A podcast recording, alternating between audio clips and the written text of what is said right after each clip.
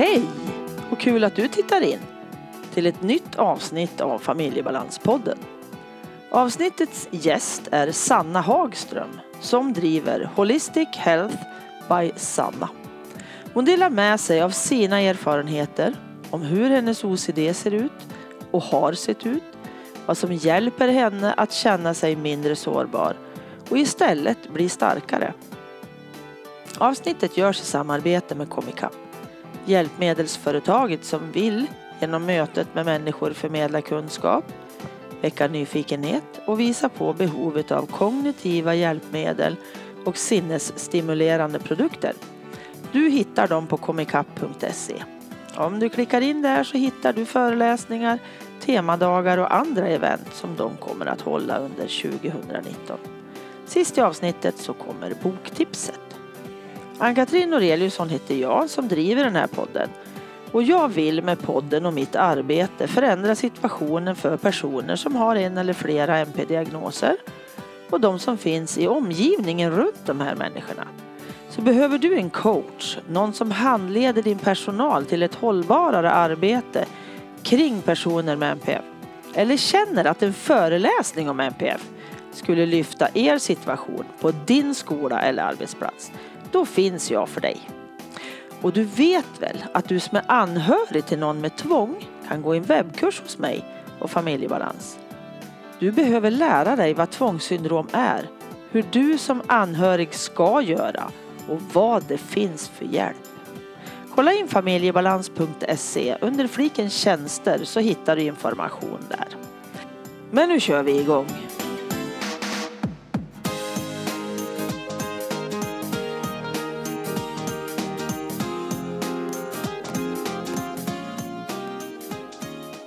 Hej Sanna! Hej! Och välkommen till Familjebalanspodden. Tack så mycket. Det ska bli jättekul att prata med dig. Jag har ju sett dig lite på Facebook och sådär och följt dig lite i dina utmaningar och sådär. Och nu ska ju vi prata om det som finns runt omkring dig. Men först så kan du väl berätta lite kort om vem du är? Absolut. Sanna heter jag. Jag är 30 år gammal och bor i Stockholm. Jag har kämpat med olika typer av psykisk ohälsa i hela mitt vuxna liv i princip. Allt ifrån nedstämdhet till ångest och eh, tvångstankar och utmattningssyndrom nu senast. Eh, det har varit väldigt kämpigt och känt mig väldigt ensam stundtals. Mm. Eh, men jag har valt att ofta vara väldigt öppen om det för att kunna hjälpa andra och mig själv. Eh, och en av sakerna som alltid har funkat för mig när jag har mått dåligt är att jag har rört på mig i någon form. Okej. Okay. Ja. Och det är ju lite så jag har hittat dig med din rörelse. Va, vad heter ditt företag? Mitt företag heter Holistic Health by Sanna. Just det. Och jag har varit med i någon utmaning som du har haft. Ja, det stämmer. Mm. Precis. Jättehäftigt tycker jag, för att det är så bra att bli påmind. Ja, det är ju det. det är ju, man vet ju det, men eh, man behöver ofta bli påmind om sådana vanliga saker för det är så lätt att glömma bort det. Mm, precis. Men rörelsen har ju varit viktig för dig. Men när liksom, när har du upptäckt att rörelsen ger dig? Har du alltid rört dig, sportat och sådär? Jag har förstått att visst är du på fotbollstjej va? Ja, precis. Jag började spela fotboll när jag var sex eh, och har eh, väl spelat fotboll i kanske, ja, jag vet inte exakt, men det är närmare 20 år, 17 år kanske, mm. eh, från och till. Så jag har ju alltid varit aktiv, så det har alltid funnits med mig. Så det har ju självklart underlättat. Mm. Så. Men jag tror att det var när jag ja, var runt 20 ungefär, så kanske 10 år sedan, som jag upptäckte att jag hade en väldigt tuff period och jag upptäckte att det verkligen stärkte mig inifrån och ut att röra på mig. Eh, allt ifrån promenader till gruppträning och transportera mig till fots eller med cykel. Eh, mm. Okej. Okay. Men just det där, du var 20 år sa du när du förstod och kände att det var jätteviktigt med rörelse.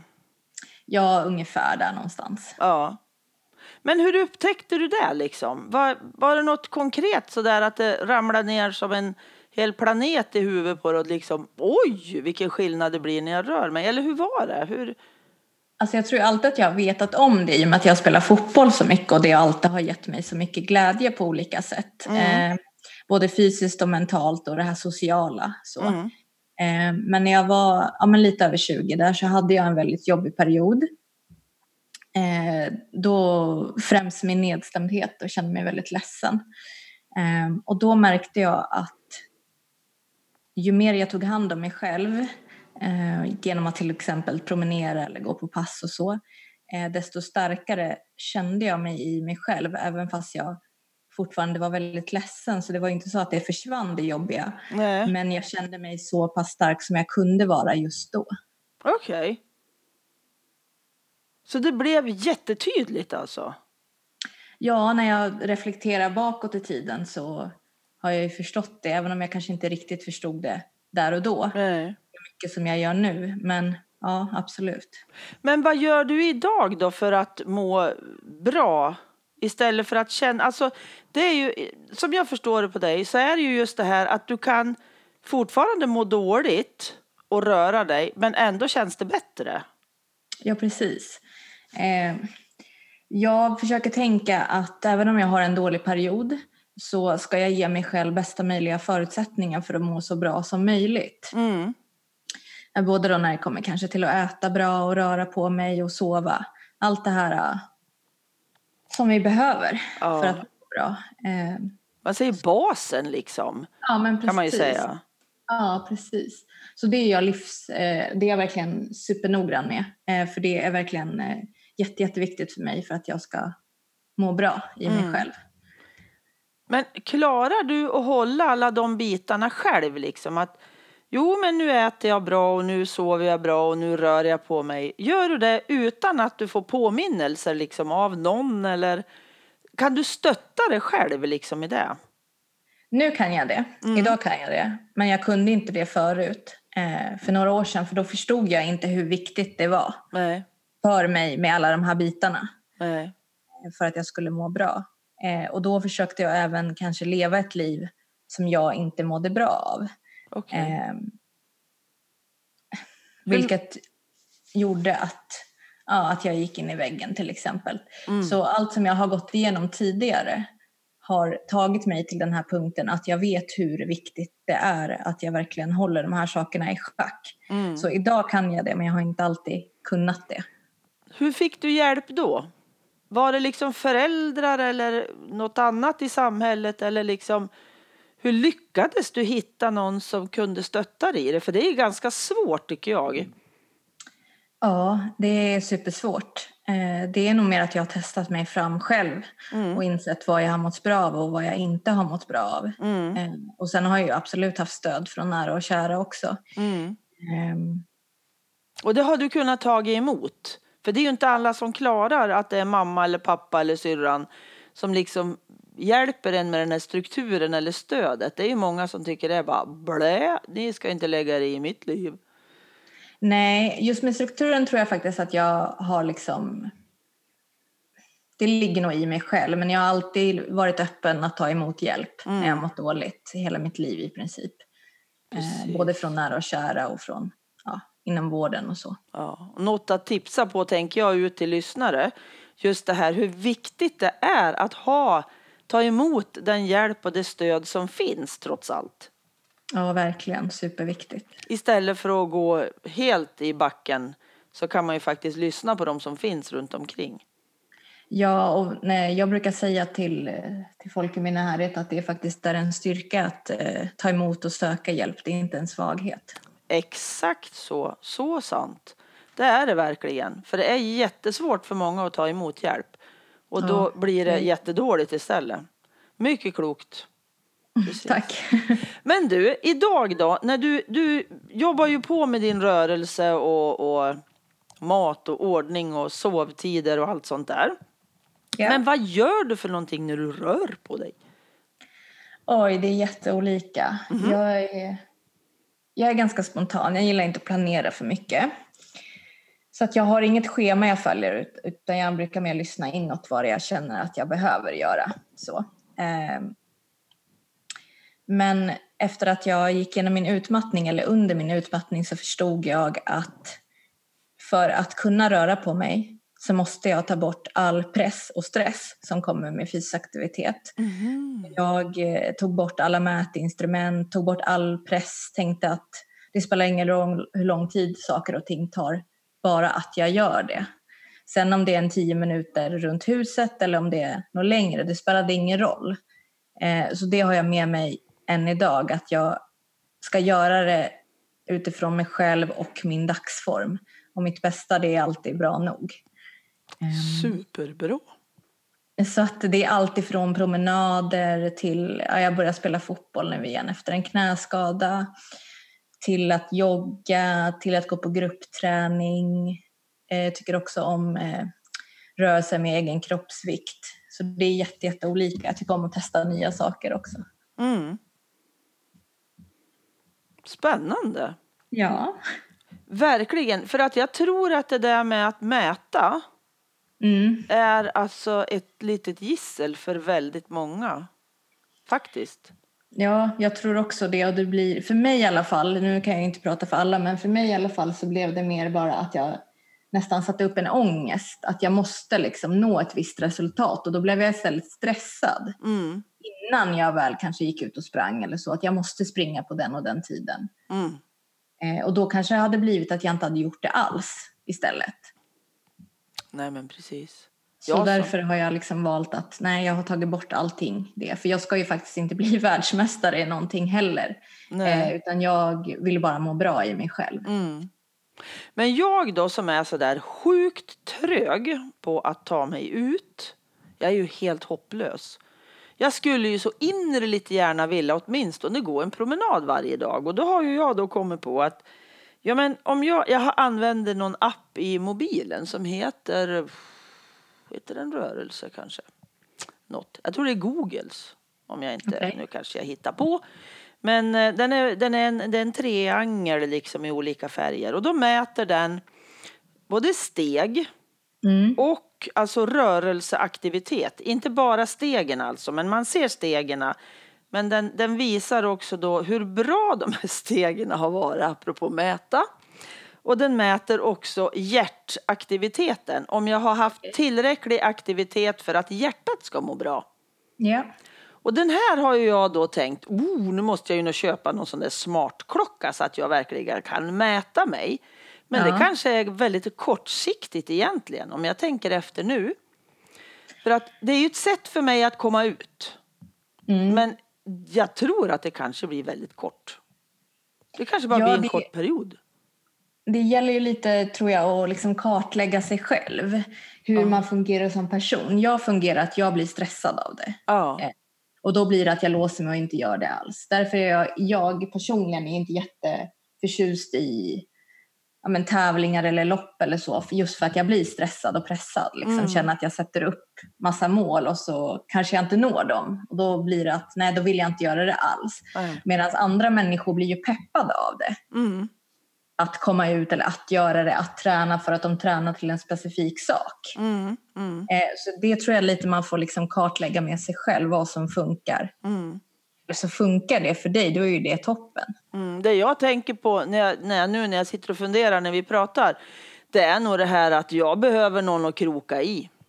Ja. Egentligen. Att, eh, för jag gick hos PT en period under vintern. Ja. Och det funkar ju. Ja. Då gör jag det. För att då har jag någon som lite jag ska redovisa till. Inte att jag ska vara duktig, men bara att jag får det gjort. Så jag ja, gör precis. någonting överhuvudtaget. För jag är så dålig på det här med rörelse. Men just det här med din utmaning gjorde ju faktiskt att jag gjorde något varje dag. Mm. Vad härligt. Och det är ju det som är grejen det här. För jag har ju tänkt så. Jag gör hellre det lilla varje dag. Ja. Som tar några minuter kanske och så gör jag det hela tiden. Istället för att nej men tre gånger i veckan ska jag göra si och så och det blir långt. Då går det ju ja. inte alls för mig. Nej men då ska du inte göra det heller utan du ska hitta det som funkar för dig. Mm. För det är svårt, men det är svårt tycker jag att kartlägga sig själv. Ja, det kan hända att du kanske behöver testa dig fram lite mer också. Ja. Du... Men kan man, ha, kan man anlita dig till sånt? Att kartlägga sig själv?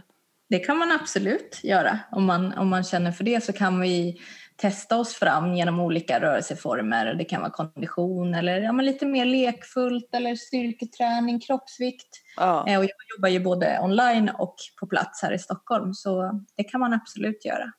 För jag behöver ju, jag brukar kalla det för hookivation.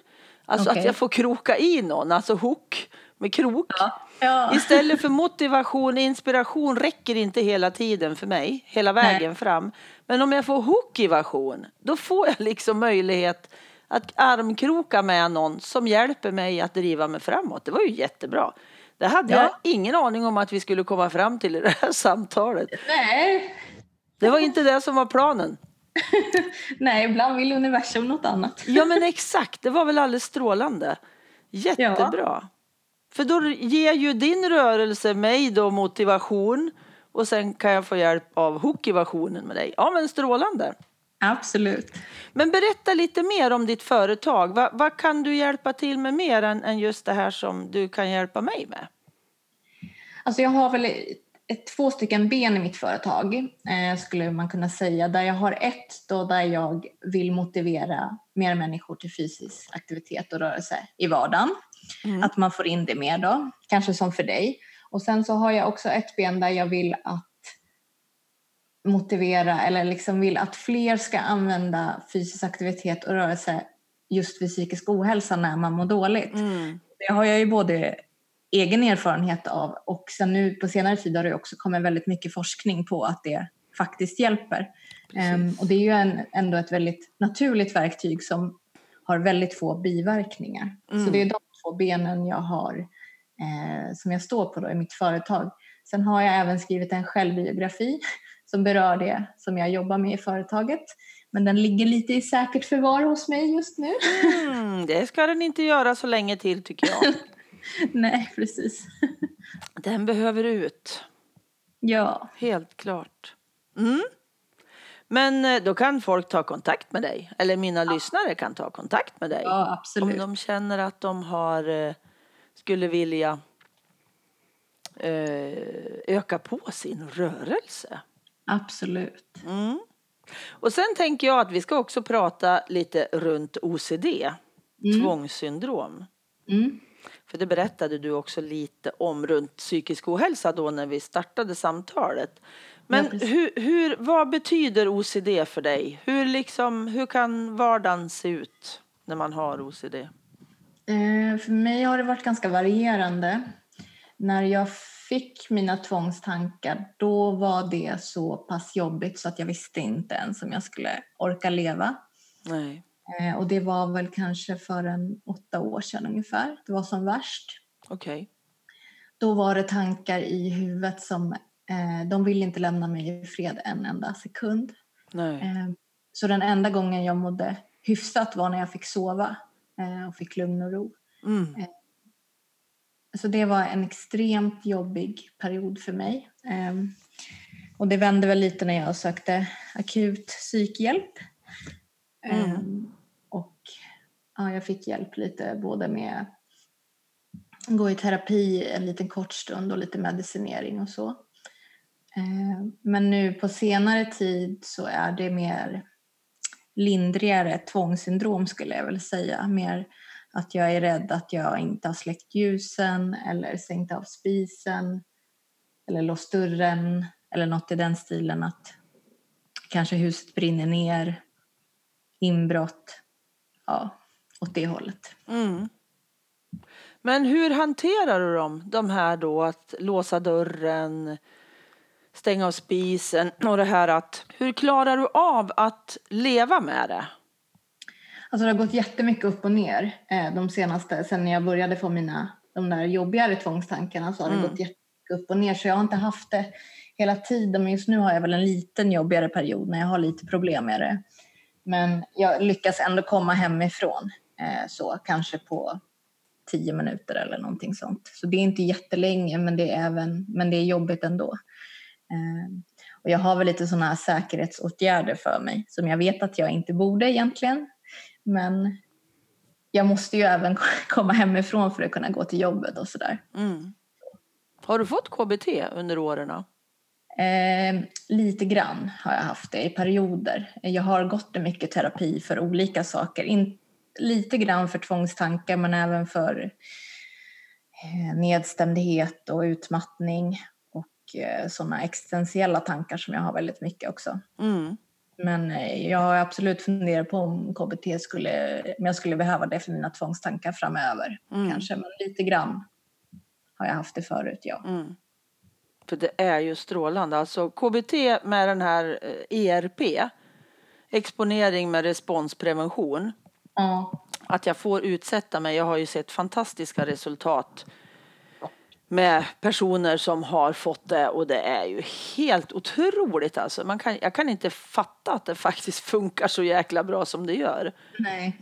Det är fantastiskt och en terapeut som jag har pratat med som hjälper människor med tvångssyndrom då, han säger det, man unnar sig att tvånga.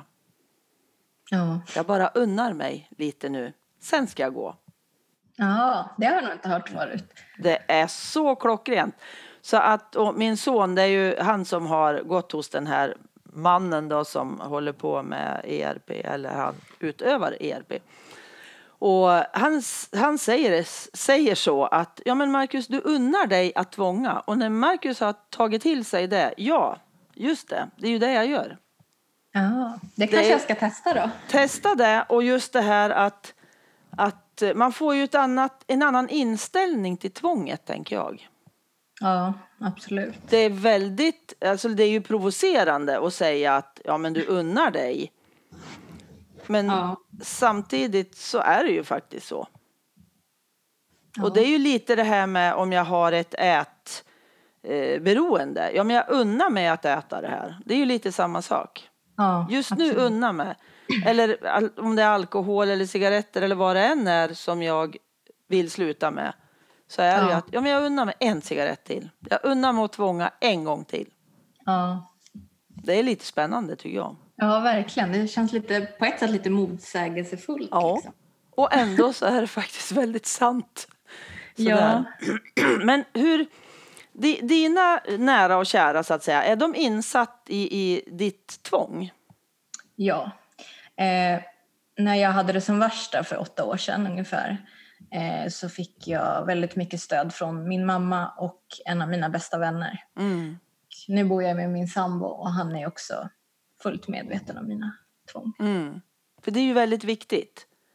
Ja, verkligen. Tänker verkligen. jag. Att anhöriga runt omkring den som har tvång behöver ju ha kunskapen för att kunna möta det på rätt sätt.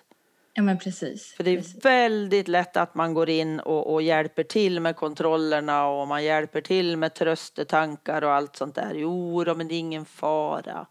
Det går bra. Du, bla bla bla. Jag känner igen det. Ja, men det är så lätt att man gör det innan man lär sig. Absolut, och det är lätt att göra det då också. Ja, men då med, absolut. Bara det att jag måste vara, jag måste vara på min vakt hela tiden alltså. Ja, att verkligen. inte gå med i det. Men ju mer jag kan, ju lättare är det ju att, att hålla tillbaka den anhöriga, alltså att man håller tillbaka. Nej, för vi har, Marcus och jag har gjort en, vi har hittat en ny, eh, vad ska jag säga då, ett tecken. När okay. det är, nu är det färdigt tvångat, nu får du inte fortsätta längre. nu är det Nej. slut. Då gör jag det här det finns en, en emoji också som gör, man håller upp det här bra-tecknet så blir det som en rund ring mellan pekfinger och tumme. Okej. Okay. Det är en nolla. Ah. Noll, men det är ändå ett bra tecken. Jag fattar. Så blir det något positivt i det och samtidigt så är det, nej nu är det noll tvång som gäller. Nu är det slut. Och lite, jag tänker att man ofta får hitta sina egna former för att avbryta. Absolut, och det är väl lite det jag håller på att kämpa med just nu också när det har kommit tillbaka lite. Mm. Eh, så. Du får tipsa din sambo om det här kan vara något för er. Ja. Att göra den här, det beror ju alldeles på hur du känner. För hos oss funkar det jättebra för Marcus ja. och lika för mig att jag har något att göra. Att inte bara säga stopp och liksom ett, en lång period så satte vi upp handen och sa liksom, nej men stopp, nu Marcus är det slut. Nu ja. får du inte fortsätta. Men det kändes så, negativt. Ja. Så det kändes jättebra att jag kunde göra det. Bra tecknet och så betyder det nollan. ja, men det är toppen. Man får hitta sina verktyg som funkar. Ja men det är ju det. Det är ju massor med sånt hela tiden. Har du några sådana där tips liksom som hur gör du när du, när du liksom äntligen bryter och går efter tio minuter då säger vi? Vad är det som gör att du går? Att jag inte missar tunnelbanan. Okej, det är något yttre där också liksom. Nej men det kan vara ibland för jag, jag åker ju ofta tunnelbana till mitt andra extrajobb som jag har. Mm. Eh, och då vet jag ju ungefär när den går. Mm. Så det kan vara faktiskt en liten hjälp. Då kan jag ibland behöva springa till den just för att det har tagit lite för lång tid. Mm.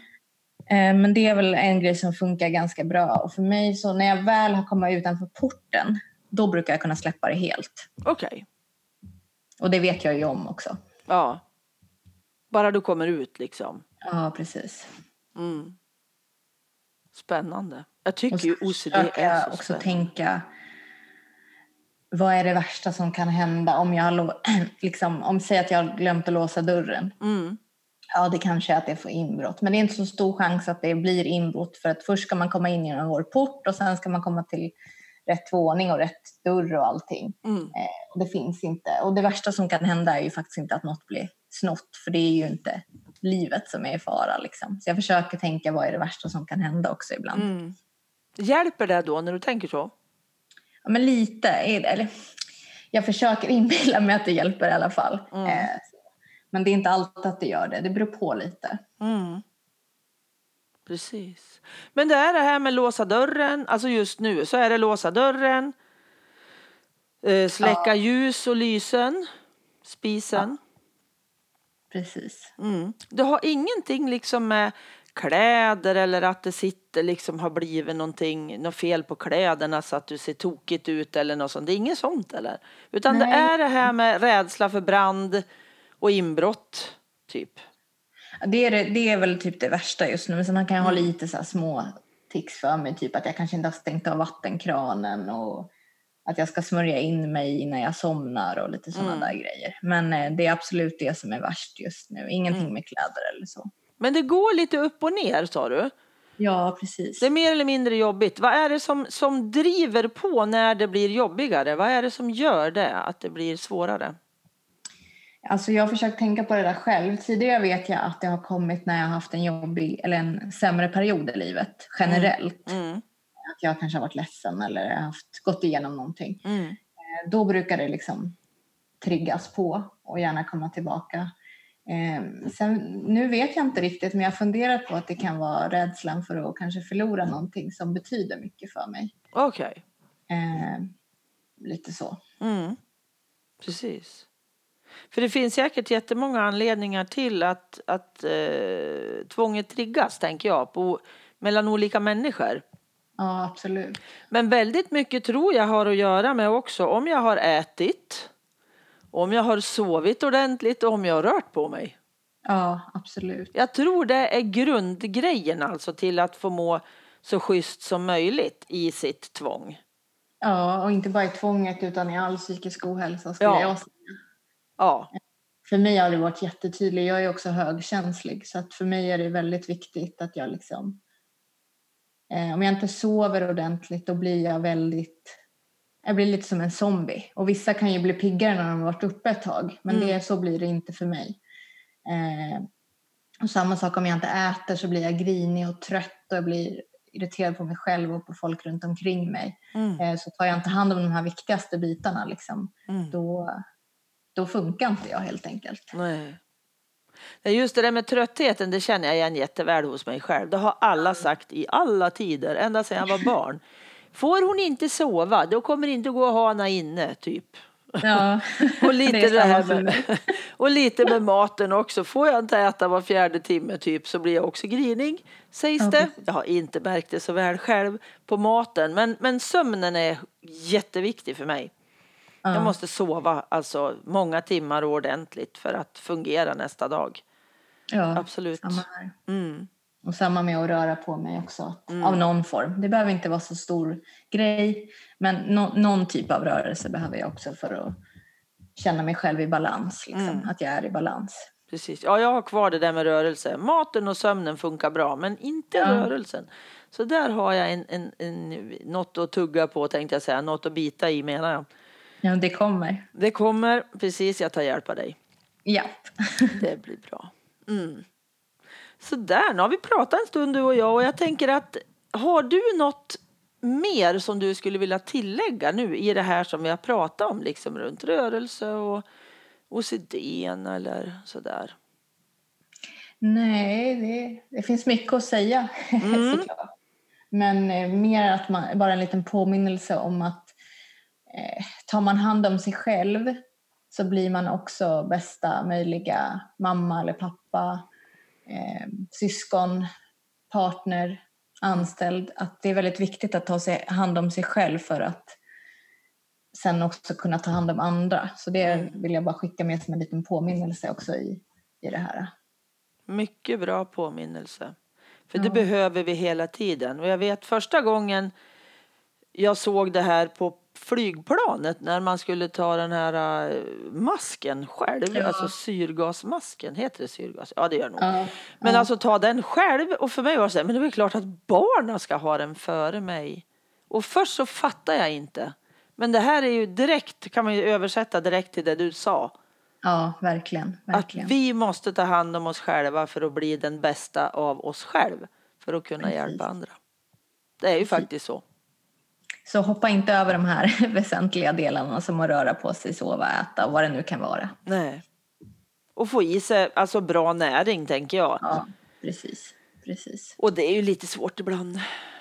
Ja, Men man får prioritera, eller jag prioriterar det just för att mm, det hjälper mig så mycket i mitt mående. mm, jättebra. Tusen tack Sanna för att jag har fått haft med dig i Familjebalanspodden.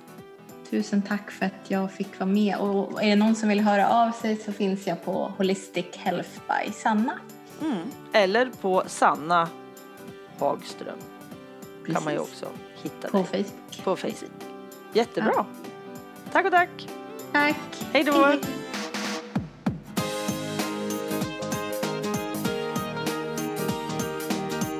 Boktips 1. Fri från oro, ångest och fobier. Råd och tekniker från kognitiv beteendeterapi. Maria Farm Larsson och Håkan Visung. Psykologerna Maria Farm Larsson och Håkan Visung beskriver metoder för självhjälp som faktiskt fungerar. Amelia cognoscere som betyder att veta. Kognitioner kan sägas vara en sammanfattande term för det som vi vet, det vill säga våra tankar, föreställningar, åsikter och värderingar. KBT söker att förändra inte bara hur man tänker utan även hur man beter sig och hur man handlar. Dessa förändringar leder vidare till förändringar i stämningslägen, känslor och ibland även hur kroppen reagerar och känns. Boken tar upp specifika fobier, paniksyndrom, social fobi, generaliserat ångestsyndrom och det innebär att man oroar sig för nästan allt när man har generaliserat ångestsyndrom. Även tvångssyndrom, trauma och posttraumatiskt stresssyndrom, depression, som ofta är följeslagare till ångest, beskrivs också i ett av kapitlen. Boken vänder sig främst till vuxna, men i slutet av varje kapitel finns ett kortare stycke om barn och det aktuella ångesttillståndet. Längst bak finns uppgifter om var man kan hitta mer information om KBT och KBT-terapeuter och litteraturlistan innehåller råd om vidare läsning. Boktips 2. Det är en eh, repris kan man säga. Det, är, det här tipset kommer igen för det här är en väldigt populär och väldigt viktig bok. Det är Hjärnstark. Hur motion och träning stärker din hjärna av Anders Hansen. Uppgradera din hjärna. Vill du bli mer stresstålig, må bättre, förbättra ditt minne och bli mer kreativ och intelligent? Se då till att röra på dig. Regelbunden träning har nämligen visat sig vara den bästa hjärngympan som finns. Bättre än sudoku, korsord och alla tänkbara kosttillskott tillsammans. Man vet idag att hjärnan är enormt föränderlig. Det bildas ständigt nya hjärnceller och nya kopplingar skapas och försvinner. Allt du gör, till och med varje tanke du tänker förändrar din hjärna lite grann. Och det gör i allra högsta grad även motion och träning. När du rör dig blir du inte bara piggare och mår bättre. Det påverkar också koncentrationen, minnet, måendet, sömnen, kreativiteten och stresståligheten. Till och med din personlighet och intelligens. Du tänker helt enkelt snabbare och kan lägga i en extra mental växel. Till exempel för att kunna koncentrera dig när det är stökigt omkring dig. Och alla som rör på sig får de här fördelarna. Barn, vuxna och gamla. I Hjärnstark visar Anders Hansen, överläkare i psykiatri och författare till boken Hälsa på recept, vilka mekanismer i din hjärna som omvandlar promenaden eller löprundan till inget mindre än en mental uppgradering. Du får lära dig vad det beror på och du får konkreta tips om hur du ska röra på dig för att uppnå alla positiva effekter som forskningen har kunnat visa. Och du vet väl att har du lässvårigheter, behöver inte ens ha en diagnos på att du har dina lässvårigheter, så kan du genom biblioteket få tillgång till Legimus där du lyssnar på böckerna. Mitt tips är att har du svårt att läsa, har du svårt att bara lyssna, så kan du göra som jag. Jag läser boken genom att jag har boken i handen och lyssnar till den via Legimus. Det är det optimala sättet för mig att få in kunskapen i huvudet och att det blir bevarat. För om jag bara lyssnar har jag svårt att komma ihåg, om jag bara läser har jag svårt att komma ihåg. Kombinerar jag de två blir det så mycket bättre. Kan vara värt att testa om du har svårt att minnas det du har läst eller hört. Tack Pelle för musiken. Pernilla för att du fotade, till Marcus för att du fixade poddloggan och till Anders för att du redigerar mitt prat. Och tack till Comicap för samarbetet. Tack till dig som vill skriva en recension. Du kan gå in på iTunes och hoppa in via Familjebalanspodden. Där kan du lämna en recension vilket gör att jag kommer upp i mätresultaten och får en möjlighet att synas ännu mer. Om du tycker att den här podden är viktig, gå in och ge en recension. Jag blir jätteglad. Hoppas vi hörs igen.